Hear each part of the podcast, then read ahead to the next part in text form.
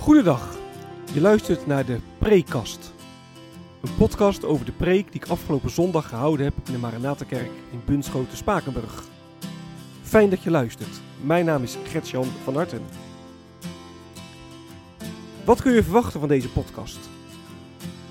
De Preekast bestaat uit vier onderdelen.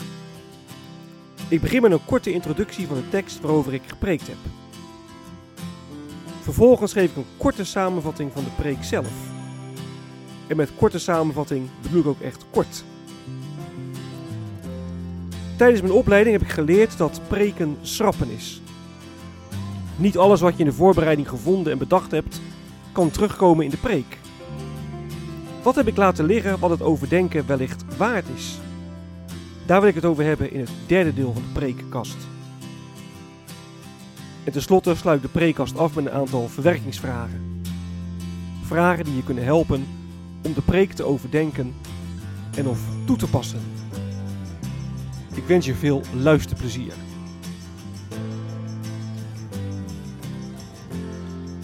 De tekst.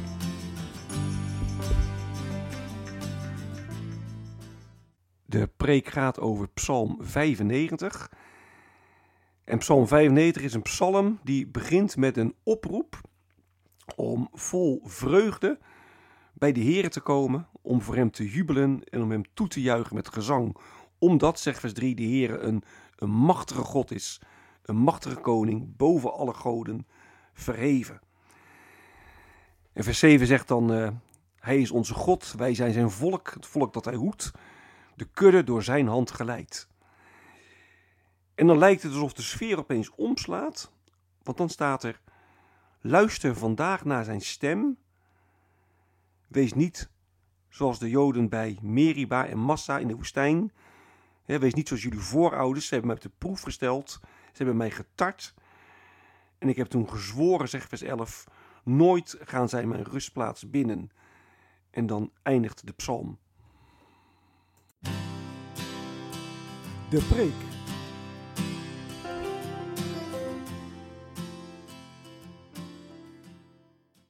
Ik heb het thema van de preek bepaald aan de hand van het slot van vers 7. Daar staat luister vandaag naar zijn stem, naar de stem van de Heer. Het thema is dan luister goed naar Gods stem.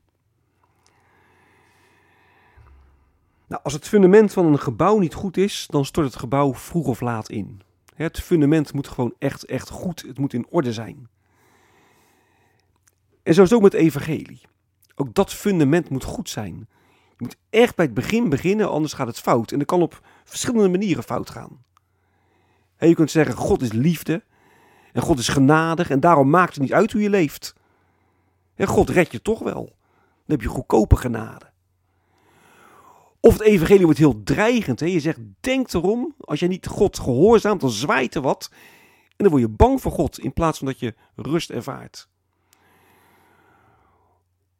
Of het evangelie wordt heel wettisch. Je zegt, je moet je best doen om God tevreden te houden.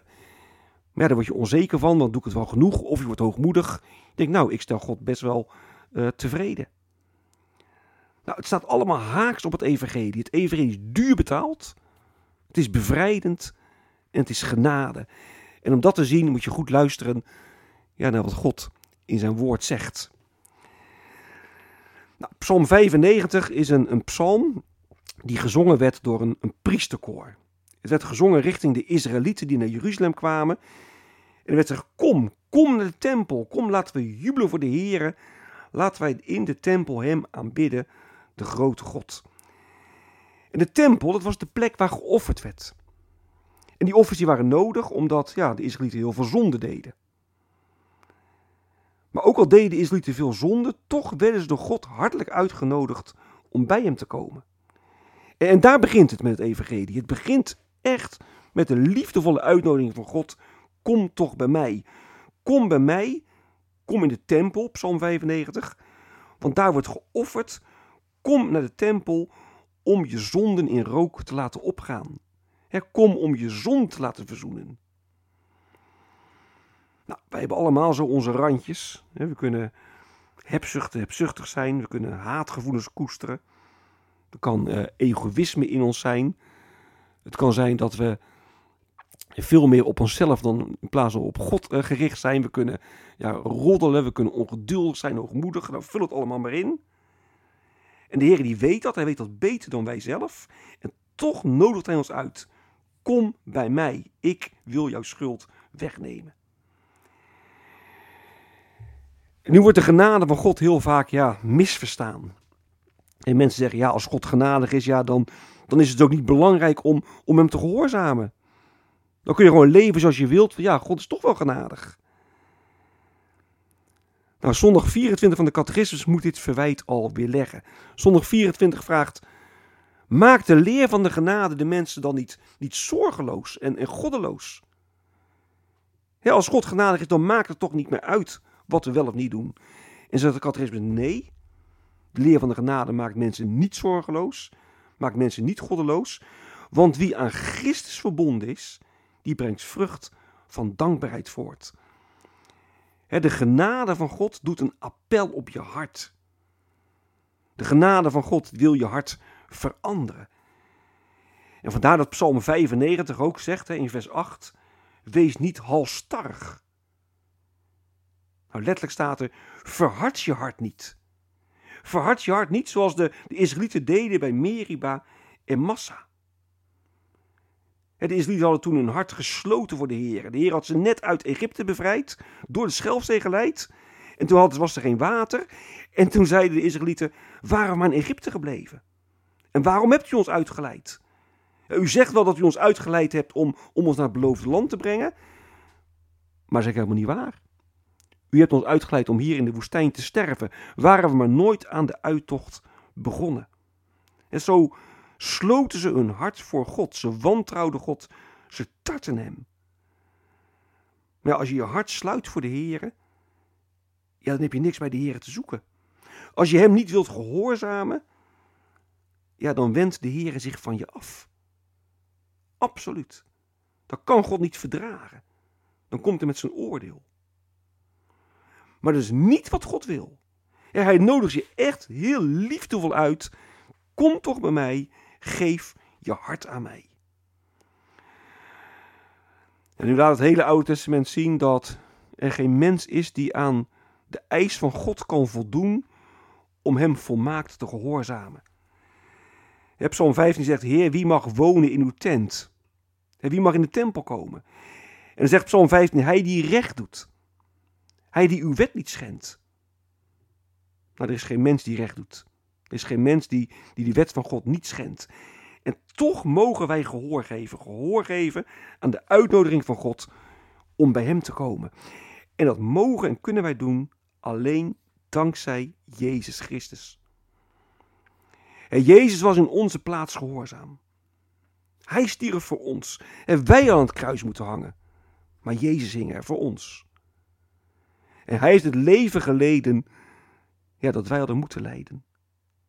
En daarin mogen we ja, Gods liefde en Gods genade zien.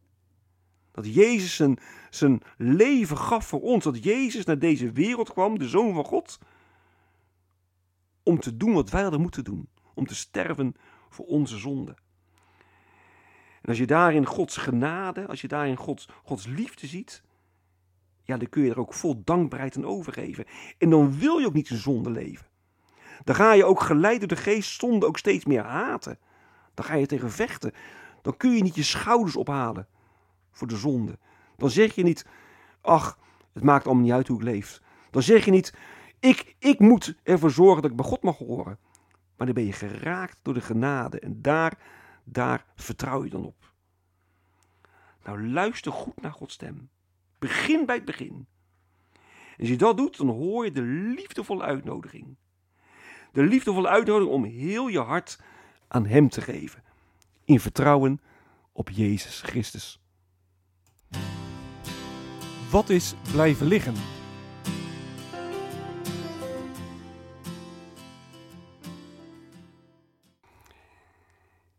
In eh, vers 1 staat: Kom, laten we jubelen voor de Heer, juichen voor onze rots, onze redding. Het gaat me even om het woord rots. Het is natuurlijk een prachtig beeld dat de Heer een, een rots is. Een rots dat is een symbool voor stabiliteit, veiligheid, zekerheid. En het is ook niet zonder reden dat de psalm uh, dit beeld gebruikt. In vers 8 en vers 9 gaat het over Meriba en Massa. En daarover lezen we in Exodus 17. De Israëlieten die klagen dan, die klagen dat er geen water is als ze dorst hebben. En dan moet Mozes op de rots slaan, er komt weer de rots. En dan stroomt er water uit de rots. Zo krijgt het volk weer te drinken. En die rots ja, is al een verwijzing naar Jezus Christus. In het evangelie van Johannes, in Johannes 7, vers 37 en 38 staat... Op de laatste dag, het hoogtepunt van het feest, stond Jezus in de tempel. En Jezus riep, laat wie dorst heeft bij mij komen en drinken. Rivieren van levend water zullen stromen uit het hart van wie in mij gelooft. Zo zegt de schrift. En Jezus is de rots die, die levend water geeft. Als je dat in je achterhoofd houdt, dat Jezus onze rots is, onze rots van redding, degene die water geeft. En dan lees je nog een keer vers 1. Kom, laten we jubelen voor de Heer, juichen voor onze rots, onze redding. Ja, dan mag je daar dus al iets van, van Jezus in zien. Laten we juichen voor Jezus Christus. Hij is onze redder. Nou, daar heb ik in de preek over dat rots niet zoveel gezegd, of ik helemaal niks gezegd. Omdat je dus keuzes, keuzes moet maken. Maar ook vanuit uh, nou, dit oogpunt zou je een preek over Psalm 95 kunnen, kunnen opzetten. Het tweede wat ik wil noemen is vers 5. Er staat: Van de Heere is de zee, door hem gemaakt. He, voor de heidenen was de zee een macht die, die ouder was dan de goden. En de heidenen die dachten dat in de zee dat er een, een strijd zich afspeelde tussen de goden. Van welke god is nou het belangrijkste? En de goden die bevochten elkaar. En ja, degene die als winnaar uit de strijd zou komen, dat was dan de, de allermachtigste god. Nou, de psalm zegt, vergeet het maar. De zee, hè, waar mensen uh, uh, bang voor zijn, waar, waar, mensen denken dat is een macht waar de goden heersen. Die zee is geschapen door God. Het is een schepsel van God, door hem gemaakt. En omdat het door hem gemaakt is, betekent het ook dat hij erover heerst. En dit laat dus echt iets van, van Gods grootheid zien. Niks een strijd tussen alle goden, wie is de machtigste in, een, in, in de zee die ouder zou zijn dan alle goden. Nee, de zee is geschapen door de Heer. God, hij heerst erover. In vers 7 wordt gezegd dat uh, de Heer onze God is. Dat wij zijn volk zijn, een volk dat hij hoedt. Dat wij de kudde zijn door zijn hand geleid. En het gaat me over dat beeld van, van kudde. Daar heb ik in de preek niks over gezegd. Maar dit laat wel zien, hè, gelovigen, dat zijn geen losse individuen.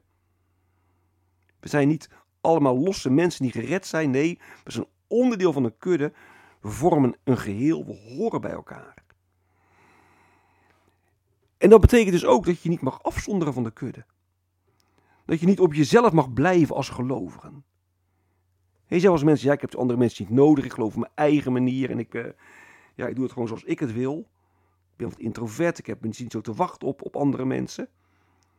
Nou, ik, dat kan natuurlijk, hè, iedereen heeft zijn eigen karakter, dat kan meespelen ook in hoe je geloof beleeft. Maar laat duidelijk zijn, het is niet zoals God het bedoeld heeft. De Bijbel zegt, als je gelovig bent, als je gelooft in Jezus Christus, dan ben je onderdeel van de kudde, aan elkaar gegeven. Dan mag je ook samen uh, de Here dienen. En dat is ook echt enorm belangrijk. Hè? Het is een bekende beeld ook van, van een, een kooltjes en een barbecue.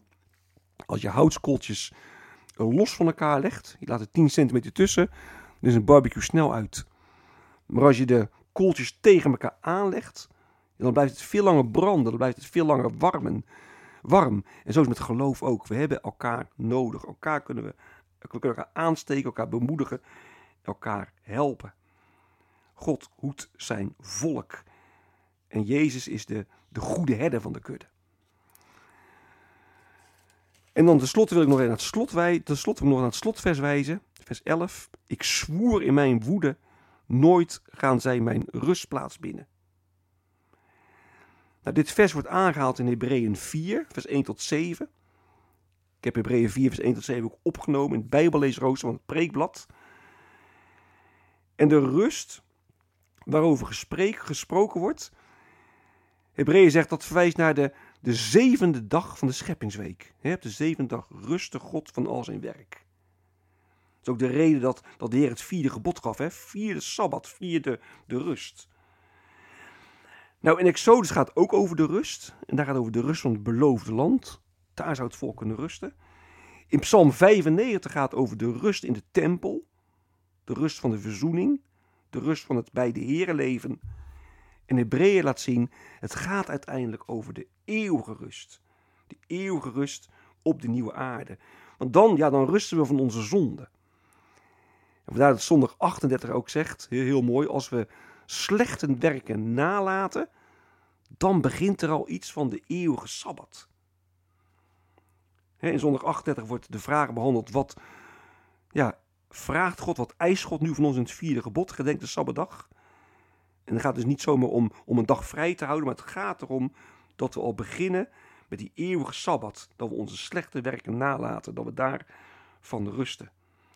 En dan zie je een heel mooie ontwikkeling in de Bijbel hè, van rust. Eerst gaat het over de rust van het beloofde land, dan over de rust van de verzoening, maar uiteindelijk gaat het over de eeuwige rust. Verwerkingsvragen.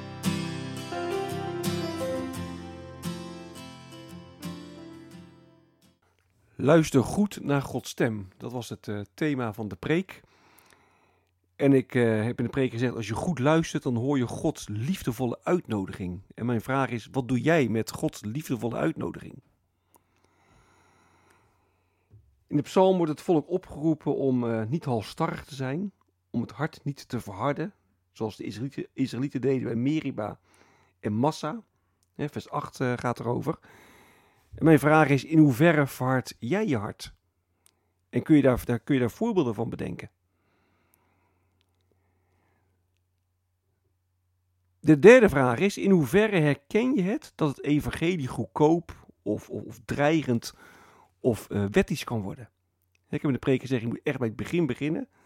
Anders wordt het, uh, het evangelie goedkoop, anders wordt het iets bedreigends of anders wordt het heel snel wettisch. Nou, herken je dat?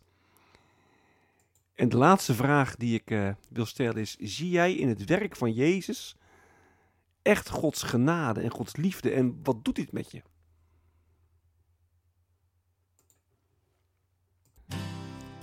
Dit is het einde van de prekast. Mocht je vragen of opmerkingen hebben, dan kun je me mailen op mailadres van hartengretjan.gmail.com van hartengretjan.gmail.com Ik wens je nog een hele prettige dag. Hartelijk dank voor het luisteren. En wie weet, tot een volgende keer.